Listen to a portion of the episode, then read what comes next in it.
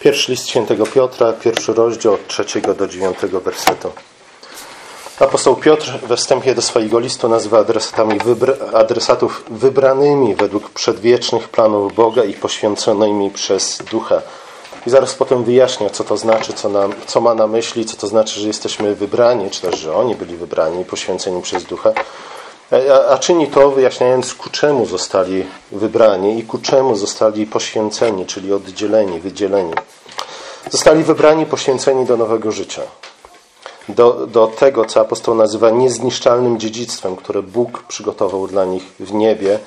Zostali wybrani i poświęceni do życia wiecznego, do zbawienia dusz. Adreseci mają udział w tym wszystkim ze względu na zmartwychwstanie Chrystusa, ze względu na to, że jako Kościół, czyli ciało Chrystusa, mają udział w tym, w czym ma udział głowa Kościoła, czyli Chrystus. Chrześcijanie uczestniczą w nowym życiu, cieszą się nowym życiem ze względu na to, że uczestniczą w zmartwychwstaniu Chrystusa. Razem z Nim umarli i razem z Nim powstali do nowego życia. Dzisiaj w pewnym sensie powtórzę to, co Andrzej mówił tydzień temu. Będę mówił o tym, czym jest nowe, nowe życie i nowe dziedzictwo. Nie dlatego, żeby Andrzeja w jakikolwiek sposób poprawić, ale dlatego, że tak akurat wyszło. Dzisiaj takie, nie inne czytanie. Sposób, w jaki Piotr pisze o nowym życiu, o dziedzictwie, o zbawieniu dusz, łatwo, bardzo łatwo możemy opacznie zrozumieć. I znów, z jednej strony Jakie są ku temu powody? Różne są ku temu powody. Yy, najczęstszym powodem jest to, że po prostu nie rozumiemy Pisma Świętego, czytamy je wybiórczo. Nie, nie jesteśmy skażeni herezją marcjonizmu i dlatego nie, przy, przy, nie, nie zwracamy zbyt wielkiej uwagi na to, co jest napisane yy, w trzech czwartych, pierwszych trzech czwartych Pisma Świętego. Yy, przeszkodą też jest popularne wyobrażenie tego, czym jest życie wieczne, czym jest dusza.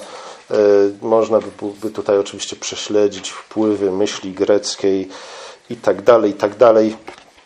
Życie wieczne, z drugiej strony śmierć wieczna, życie, zbawienie duszy, e, dziedzictwo zachowane w niebie. Co to wszystko oznacza? Popularna eschatologia, czyli nauka o rzeczach przyszłych, chrześcijańska, każe umiejscowić naszą y, nadzieję całkowicie przyszłości i całkowicie w niebie. Przez to wyobrażamy sobie, że, że plan Boga dla nas polega na tym, iż po śmierci nasza dusza zostanie uwolniona, czy też nasz duch zostanie uwolniony od ciała, pójdzie do nieba i tam będziemy cieszyć się nieśmiertelnością wiecznie, nieśmiertelnością wolną od trosk, smutku i bólu. Nie? Takie jest popularne wyobrażenie. Umrzemy, pójdziemy do nieba i wszelkie nasze troski i bóle i rozterki się skończą wraz z tym.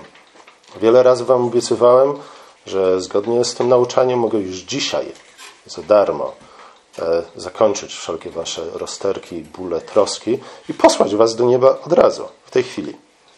Nikt się póki co nie zgłosił do tego. Jestem rozczarowany. Wszyscy razem. Nie nazywam się Jones, niestety. Musi być ktoś, kto Was uwolni z tych wasze dusze z ciała, które jest waszym więzieniem.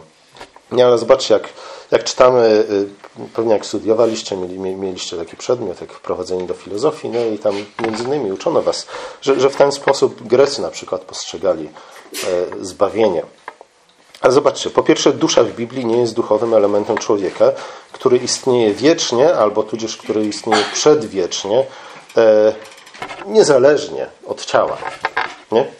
E, częstokroć niestety jestem zaskoczony tym, jak wielu chrześcijan wierzy e, nie tyle w zmartwychwstanie ciała, nie upatruje w zmartwychwstaniu ciała tej kwintesencji nadziei chrześcijańskiej, ale raczej wierzy w nieśmiertelność duszy.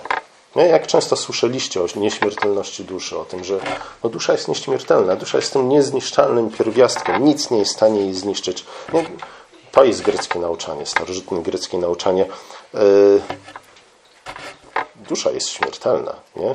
Dusza, nasze dusze będą żyć wiecznie nie dlatego, że same z siebie są nieśmiertelne, że nic nie jest w stanie ich zniszczyć, ale dlatego, że ze względu na Chrystusa, ze względu na nowe życie w Chrystusie będziemy mieli stały e, dopływ wody życia, czyli tej energii życiowej ze względu na to, że Chrystus jest jej źródłem, a przez zjednoczenie z Nim my sami możemy być jej źródłem.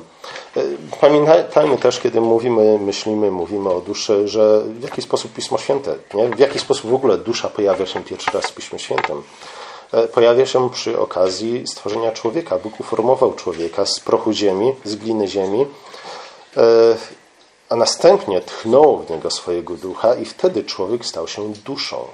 Nie? Stał się duszą żyjącą. Dusza w Piśmie Świętym jest niczym innym jak po prostu istotą, żywą istotą. Innymi słowy, dusza ludzka to jest po prostu człowiek, żyjący, żywy człowiek. To jest hebrajskie słowo nefesh i tak zwykle jest tłumaczone. Nie? Zwykle jako dusza, ponieważ słowu dusza myśmy nadali różne, nie zawsze w pełni zgodne z Pismem Świętym znaczenia, dlatego wydaje nam się, że, że nie, dusza jest Czasami nie wiemy, czym jest dusza, ale zwykle wydaje nam się, że, że dusza to jest coś podobnego do ducha, nie? Ten, ten właśnie duchowy pierwiastek człowieku. Ale dusza jest po prostu życiem, nie? albo istotą, żywą istotą. Człowiek stał się duszą żyjącą po tym, jak Bóg tchnął w niego swoje życie. Innymi słowy, kiedy, gdy apostoł Paweł, nie, Piotr mówi o zbawieniu duszy, mówi po prostu o zbawieniu nas, ludzi, nie? jako żywych, żyjących istot. Innymi słowy, mówi o, o, o życiu wiecznym. Zbawienie duszy jest niczym innym jak życie wieczne. E, I znów pamiętajmy o tym, jak bardzo ważnym elementem tej naszej nadziei życia wiecznego jest zmartwychwstanie ciała, a nie nieśmiertelność duszy. Nie, być może dla, dla wielu z nas e, to będzie rozczarowaniem, kiedy e, nasze dusze które po śmierci udadzą się do nieba, będą musiały z powrotem wrócić na ziemię, z powrotem wejść w to ciało. E, dla Platona na pewno to będzie wielkie, wielkie rozczarowanie, e, jeśli Platon tego doświadcza. Zbawienie duszy jest więc zbawieniem człowieka, zbawieniem jego życia. Zbawienie duszy jest darem życia wiecznego, które otrzymaliśmy w Chrystusie. Po drugie, warto się zastanowić nad tym, co Paweł ma, e, co Piotr ma na, ma na myśli, kiedy mówi o, o dziedzictwie które jest zachowane dla nas w niebie. Jeśli to dziedzictwo jest zachowane dla nas w niebie, to znaczy, że żeby e, je otrzymać, dokąd musimy się udać? Powiedzcie mi, nie bójcie się. Nawet jeśli będziecie błądzić w waszej odpowiedzi, to trudno. To będzie i tak dla was taki katarzis, nie? takie oczyszczenie z błędów, w których żyjecie. Ile ryb złapaliście dzisiaj w nocy? E, pytanie jest takie, nie? Skoro nasze dziedzictwo jest ukryte w niebie, zachowane w niebie, dokąd musimy się udać po to dziedzictwo? Nie musimy się udać. Dobra, słuchajcie, przykład, którym się posłuży, wiem, że jest taki bardzo przyziemny i być może dla niektórych obraźliwy, ale zapożyczyłem go z bardzo, bardzo, bardzo uznanego teologa, który nazywa się N.T. Wright. E, I on mówi, kiedy przychodzi do mnie, y, kiedy rozmawiam ze znajomym i umawiamy się na spotkanie i mówię mu, słuchaj, w, w mojej lodówce czeka na ciebie piwo. Zachowałem je dla ciebie. Nie wypiłem go. Nie? Czeka na ciebie. Czy to znaczy, że gdy ten mój znajomy przyjdzie do mnie, będzie musiał wejść do lodówki, żeby tam skonsumować to piwo? W Ameryce są takie wielkie lodówki, że byłoby to tak naprawdę możliwe. Nie? W zasadzie niektórzy z Was zmieściliby się do lodówki Andrzeja, czy też Agaty, przepraszam.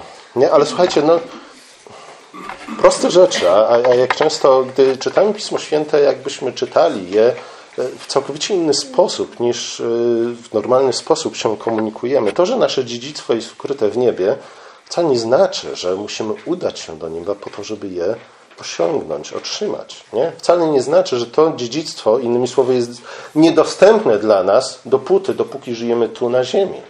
Zgadza się? Ale znów, zobaczcie, jak wiele popularnych wyobrażeń na temat życia wiecznego, zbawienia itd., tak itd. Wiąże się z tym, że no, któregoś dnia przyjdzie ten dzień, że, że, że uwolnimy się, nie? odejdziemy. Ten świat, to życie, e, życie w ciele, życie na ziemi jest tylko dziwnym, nie do końca dla nas zrozumiałym, ale nie musimy do tego, tego do końca zrozumieć, bo w końcu żyjemy wiarą, co niestety dla nas często oznacza, że, że y, nie musimy nic rozumieć z tego, co wierzymy. Y, w którymś momencie zostaniemy stąd zabrani. Nie? Jest to taka poczekalnia. Y, niektórzy twierdzą, że, że żyjemy tu na ziemi, w tym ciele, po to, żeby zasłużyć sobie w jakiś sposób na, na niebo w ten czy inny sposób. Inni mówią, że żyjemy tu na ziemi po to, żeby w którymś momencie e, znaleźć albo po prostu przyjąć e, z wdzięcznością klucze do nieba albo otrzymać mapę, która nas doprowadzi do, do tej drabiny, po której będziemy w stanie wdrapać się do nieba.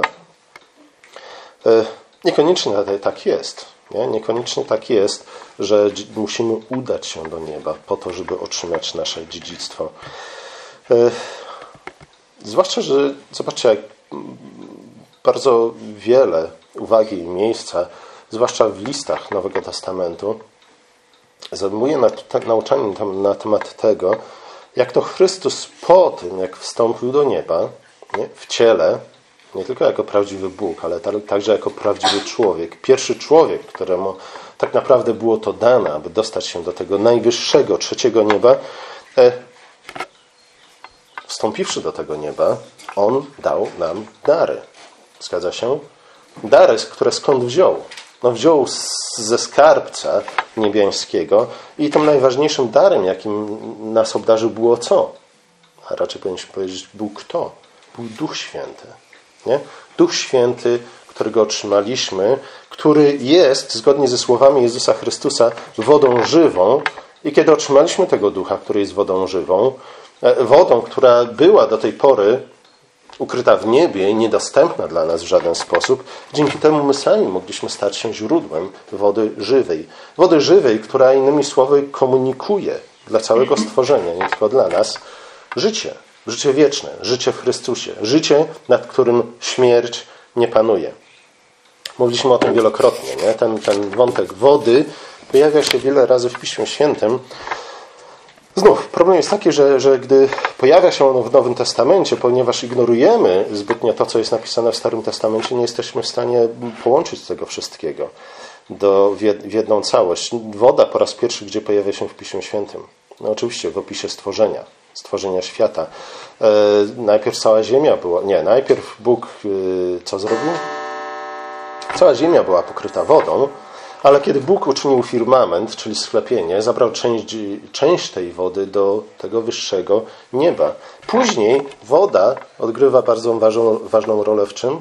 W opisie e, ziemi, ogrodu Eden i, i, i, całego świata. Tam czytamy o rzece, która wypływa z ziemi Eden, przepływa przez ogród i później płynie dalej, rozdziela, roz, rozdziela się na cztery rzeki po to, aby nawodnić całą, całą ziemię.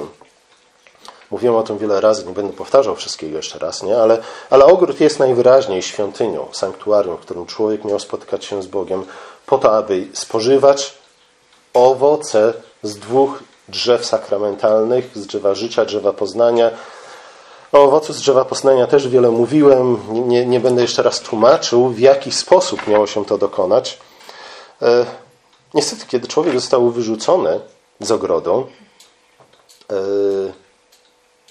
nie tylko, że został pozbawiony dostępu do obu drzew, do drzewa życia i drzewa poznania, ale także został pozbawiony dostępu do czego? Do źródła wody żywej. I to później jest przedstawione w przybytku zbudowanym przez Mojżesza, w świątyni zbudowanej przez e, Salomona. Pamiętamy, w przybytku zbudowanym przez Mojżesza jest kać z wodą, ale jest ona mała. Nie zawiera wiele wody. I co jeszcze? Nie ma z tej kadzi żadnego odpływu. Nie? Ludzie musieli, Hebrajczycy musieli przyjść do namiotu zgromadzenia, oczywiście nie mogli wejść do, do świętych jego części. Nie? I, I to przypominało nam o tym, że gdy, dopóki żyjemy na wygnaniu z ogrodu, dopóki żyjemy na wschód od Edenu, nasz dostęp do tej wody ży, życia jest bardzo ograniczony. Nie? Duch bywał dany w tamtych czasach tym czy tamtym ludziom, ale nie było czegoś takiego jak wylanie Ducha Świętego w Nowym Przymierzu, które sprawia, że mamy nieograniczony dostęp do Ducha Świętego, który jest wodą życia. W świątyni Salomona mamy już nie tylko jedną kadź, ale mamy dwanaście wielkich, potężnych kadzi, które stoją na czym? Na wozach, na rydwanach. Problem jest taki, że te rydwany się nie, nie ruszają, ale już w, te, w tym obrazie widzimy zapowiedź tego, co Bóg dokona w przyszłości. I w końcu mamy wizję świątyni Ezechiela i bardzo ważnym elementem tej wizji jest co? Jest rzeka, która wypływa ze świątyni Boga. Zobaczcie, już nie jest ta woda, e, jakby to powiedzieć, ukryta, zaaresztowana w świątyni, ale wypływa i, i co jest skutkiem tego, że, że ta woda, ta rzeka wypływa spod tronu Boga? To, iż stworzenie, które do tej pory było martwym stworzeniem, ziemia, który, która do tej pory rodziła tylko chwasty i ciernie, zaczyna wydawać dobre owoce. Zaczyna wydawać liczne owoce. Wody Morza Martwego stają się znów wodami zdatnymi do życia. W końcu przychodzi Chrystus i w końcu dochodzimy do ostatnich rozdziałów Nowego Testamentu i co widzimy? Znowu widzimy rzekę. Rzekę, która wypływa spod tronu Bożego, spod tronu, na którym teraz zasiada baranek, a wraz z nim cały Kościół. Nie? Ta woda przepływa przez Nową Jerozolimę, płynie na cały świat i wzdłuż tej wody, tej rzeki rośnie co? Już nie jedno drzewo życia, już nie jedno drzewo poznania, ale całe jej brzegi są usiane tymi drzewami. Nie? Jest mnóstwo tych drzew. I widzimy wszystkie narody, które dzięki temu że liście tych drzew służą do uzdrowienia narodów, rzeczywiście mogą żyć w nowym życiu w Chrystusie, mogą przyjść do Nowej Jerozolimy, mogą podejść do tronu baranka po to, aby złożyć mu e, jako uwielbienie, jako wyraz czci i wdzięczności swoją chwałę, chwałę swoich narodów. O tym musimy pamiętać. Nie? I o tym musimy pamiętać, czytając list do Piotra, pamiętajmy, że, że zobaczcie, gdy mówimy o nowym życiu w Chrystusie, gdy mówimy o zbawieniu naszych dusz, właśnie o tym powinniśmy pamiętać. Nie? O tym, że w Chrystusie, dzięki Chrystusowi, mamy udział w nowym życiu ze względu na to, że mamy nieograniczony dostęp do Ducha Świętego, który jest wodą życia, który sprawia, że śmierć nad, nad nami nie panuje. To nie znaczy, że nie umrzemy, ale to znaczy, że gdy umrzemy, nie pozostaniemy na zawsze w grobie. Nie? Ale razem z Nim zmartwychwstaniemy. Zmartwychwstaniemy. Na wiele sposobów, nie? nie chodzi tu tylko i wyłącznie o śmierć fizyczną, ale to sprawi, że nasze życie może być życiem ponownie owocnym. Życiem, z którego coś dobrego wynika, nawet jeśli jest życiem tymczasowym i przemijającym. Nie? Nawet jeśli rację ma Salomon, kiedy stwierdza w Księdze Kaznodziei, w Księdze Kocheleta, że wszystkie nasze dzieła są ulotne, nie? wszystkie nasze dzieła są tymczasowe, wszystkie nasze dzieła zanikają. A zobaczcie, w Chrystusie oznacza to, że one się odrodzą w coś lepszego. Nie? Zbudujemy domy, one zniszczeją, rozsypią się, ale to nie będzie oznaczać, że, że zbudowanie tych domów było kompletnym zmarnowaniem czasu i pieniędzy. Nie? Że lepiej jest nie budować nic, bo i tak to wszystko ulegnie rozsypaniu. Dzięki Chrystusowi, dzięki Duchowi Świętemu, dzięki wody, wodzie życia, do której mamy nieograniczony dostęp, te wszystkie nasze dzieła, które się rozpłyną na wietrze, prędzej czy później zmartwychwstaną. Staną się czymś lepszym niż były, zostaną przemienione z chwały w chwałę. Piotr wyjaśnia nam, nie? przypomina nam o tym, pokrótce, nie, pokrótce ze względu na to, że, że nie chcę poświęcać po raz kolejny mnóstwo czasu, żeby wyjaśniać rzeczy, które wcześniej były wyjaśnione w Piśmie Świętym, ale przypomina nam pokrótce, e, czym było stare życie, czym jest życie ku śmierci, jak to mówili niektórzy filozofowie egzystencjalni, nie? a czym jest śmierć ku życiu, w, którym mamy udział, w której mamy udział w Chrystusie. Piotr stwierdza, że stare życie było życiem bezowocnym, jałowym i zepsutym. Określa tu greckie, używa tutaj greckiego słowa matajos. Nie wiem, czy od niego pochodzi nasze słowo mataczyć, ale może nie. W każdym razie matajos można przetłumaczyć jako coś próżnego, coś bezwartościowego, coś daremnego. No zobaczcie, to, to wszystko w, jakiś, w ten sposób E, Salomon opisywał życie pod słońcem. No i rzeczywiście takie jest życie pod słońcem, nie? jeśli nie mamy dostępu do wody życia, do Ducha Świętego.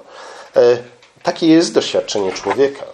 Nie? Jeśli, jeśli usuniemy Chrystusa, jeśli nie usuniemy zmartwychwstanie z naszego życia, z naszego myślenia o życiu, to rzeczywiście do takiego wniosku musimy dojść, że nasze życie jest niczym innym jak próżnym, bezwartościowym, daremnym trwonieniem czasu i energii. Ciekawe jest to, że, że apostoł Paweł w pierwszym liście do Koryntian w 15 rozdziale, nie? tym rozdziale, który bardzo często czytamy przy okazji Wielkanocy, używa dokładnie tego samego słowa na określenie naszej wiary. pozbawionej Chrystusa. Jeśli Chrystus nie zmartwychwstał, to daremna, nie? Matajos jest wasza wiara i aż dotąd pozostajecie w waszych grzechach. Co to znaczy, że pozostajemy w naszych grzechach? No, oznacza to dokładnie to. Jeśli, jeśli wciąż nie mamy dostępu do wody życia, nie, to nasze życie jest właśnie takie, próżne, bezwartościowe i daremne. W związku z tym też nasza wiara jest próżna, bezwartościowa i daremna ze względu na to, że nic dobrego z niej nie wynika. Umieramy nie po to, aby wydać dobry owoc, ale umieramy po to, aby, jeśli już wydamy jakiś owoc, to, to żeby były to tylko i wyłącznie chwasty i ciernie.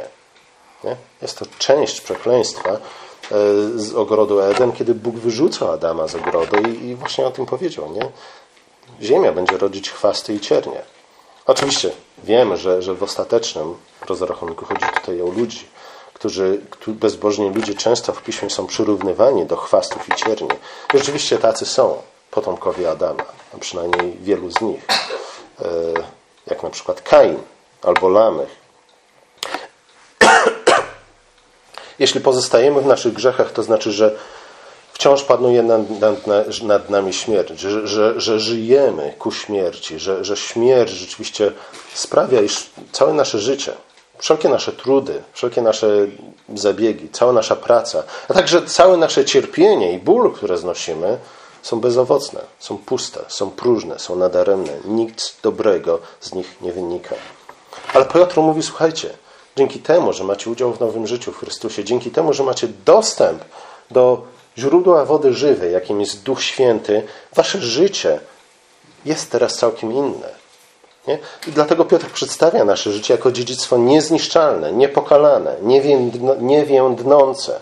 To znaczy, że w Chrystusie nasze życie może wydawać dobry i trwały owoc. I znów nie znaczy to, że nie umrzemy, ale znaczy to, że nasza śmierć będzie podobna do śmierci Chrystusa będzie śmiercią, z której wyniknie coś dobrego, wyniknie coś lepszego. Nie? To nie będzie już nawet powrót do tego, co było, do złotego wieku, ale będzie to coś lepszego, coś, czego nigdy wcześniej nie doświadczyliśmy i nie zrobiliśmy.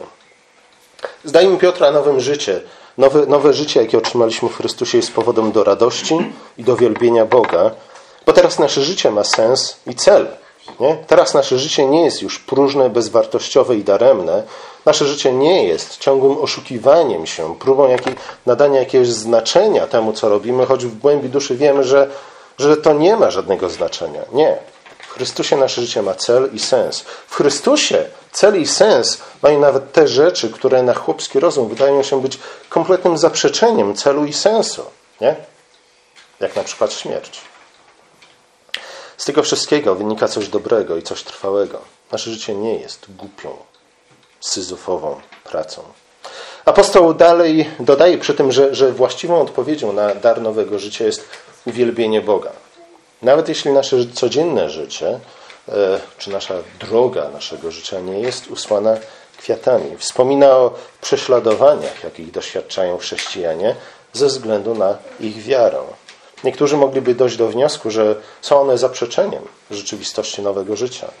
Skoro, skoro po tym, jak uwierzyłem w Chrystusa, e, skoro po tym, jak rzekomo otrzymałem nowe życie w Chrystusie i dostęp do źródła wody żywej, moje życie pod wieloma względami jest gorsze niż wcześniej, to można łatwo wyciągnąć z tego wniosek, iż, iż e, albo nie warto, albo może nie otrzymałem jeszcze tego dziedzictwa, które zachowane jest dla mnie w niebie w żadnej mierze.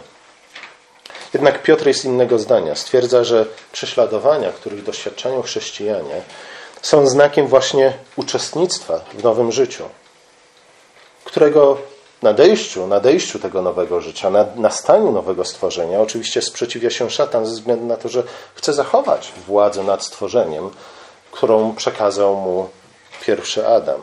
Sprowadza więc prześladowania na chrześcijan po to, by zwątpili, że uczestniczą w nowym życiu Chrystusa, ze względu na to, że kiedy zwątpimy w to, iż rzeczywiście uczestniczymy w nowym życiu w Chrystusie, tej wody żywej będzie wyciekać z nas jakby mniej. Nie? O to przede wszystkim chodzi szatanowi, aby zablokować, zablokować mm, potok czy też wypływ tej wody żywej e, z nas, którzy jesteśmy ciałem Chrystusa, po to, żeby ziemia nie zamieniła się ponownie w ogród Eden. Apostoł stwierdza ponadto, że prześladowania są nie tylko zrozumiałe, nie? bardzo łatwo jest wytłumaczyć sobie, dlaczego spotykają nas złe rzeczy, ale także Piotr zapewnia nas o tym, że także z nich wynika coś dobrego. Mówi, słuchajcie, jeśli ze śmierci Chrystusa, największej zbrodni, najohydniejszej zbrodni, jaka dokonała się w historii świata, e, wynikło coś dobrego, jeśli jej skutkiem jest nowe życie i nowe stworzenie, to słuchajcie, to nie powinniście dziwić się temu, że e, z bólu, z doświadczeń, z cierpienia, ze śmierci, jakie, jakie wy doświadczacie, także może wyniknąć coś dobrego. I słuchajcie, to, to nie jest nic nowego, ze względu na to, że o tym mówi Pismo Święte niemalże od samego początku. Wystarczy wspomnieć historię Józefa, sprzedanego przez braci do Egiptu. Nie było absolutnie nic dobrego w tym, że bracia sprzedali Józefa do Egiptu. Nie było absolutnie nic dobrego w tym, że żona Potyfara wystawiła go i, i sprawiła, że znalazł się w więzieniu. Nie było absolutnie nic dobrego w tym, że y, podczaszy i piekarz zapomnieli o Józefie.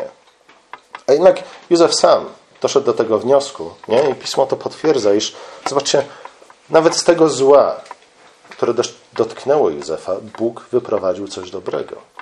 Nie? Oczywiście życie i doświadczenia Józefa są zapowiedzią, są typem e, Chrystusa, Jego życia i zmartwychwstania, ale, ale Piotr mówi, słuchajcie, nie, w ten sposób to działa, w ten sposób to funkcjonuje. Nie, nie, nie dziwcie się, że przychodzą na, na was e, cierpienia i prześladowania, ale wręcz przeciwnie, także je w sposób być może dla nas paradoksalny, powinniście uważać za powód do tego, aby być Bogu wdzięcznym i, i wielbić Boga, ze względu na to, iż zmartwychwstanie Chrystusa utwierdza was w tym, iż także z tego Bóg wyprowadzi coś dobrego. Także z tej śmierci zrodzi się coś chwalebnego, zrodzi się nowe życie. Trudno jest nam, nas, na, nam w to uwierzyć. W sposób naturalny boimy się śmierci, w jakiejkolwiek postaci. Nie? Dlatego też Piotr Dlatego też Pismo Święte tak często nam przypomina o tym schemacie.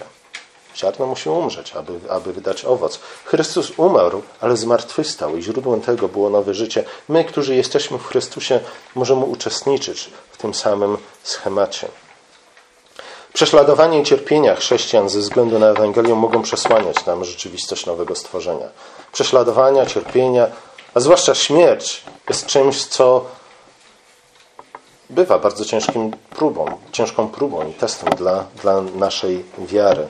Bóg jednak używa ich dla naszego dobra, po to, aby oczyścić i wzmocnić naszą wiarę. Skoro to, co w innym przypadku zniszczyłoby naszą wiarę i uczyniło ją próżną, bezwartościową i daremną, prowadzi, znów jakby paradoksalnie, do całkowicie przeciwnego skutku, a więc do życia niezniszczalnego, niewiednącego, niepokalanego, to znaczy, że moc zmartwychwstałego Chrystusa działa w naszym życiu. Nie? W ten sposób Piotr rozpoczyna swój list. Y, przez najbliższe parę tygodni będziemy, spędzimy trochę czasu w tym liście, nie? ale Piotr nie bez powodu w ten, a nie w inny sposób rozpoczyna swój list i myślę, że warto jest o tym pamiętać nie tylko, gdy będziemy dalej studiować ten list, ale także warto o tym pamiętać w naszym codziennym życiu. Zwłaszcza wtedy, kiedy spotykają nas rzeczy, których chcielibyśmy uniknąć. Pomódlmy się. Nasz drogi i łaskawy Ojcze, dziękujemy Ci za Twojego Syna Jezusa Chrystusa, dziękujemy Ci za Jego śmierć i zmartwychwstanie, dziękujemy Ci za to, że poprzez Ducha Świętego mamy, y, uczestniczymy w tym Jego nowym życiu. Prosimy Cię o to, abyśmy nigdy w to nie zwątpili. Prosimy Cię raczej, aby e, te wszystkie próby i doświadczenia, przez które przechodzimy, służyły wzmocnieniu naszej wiary, aby nasze życie tym bardziej e, wydawało dobre, liczne owoce na Twoją chwałę i dla dobra bliźnich, których stawiasz na naszej drodze. W Jego imieniu prosimy Cię. Amen.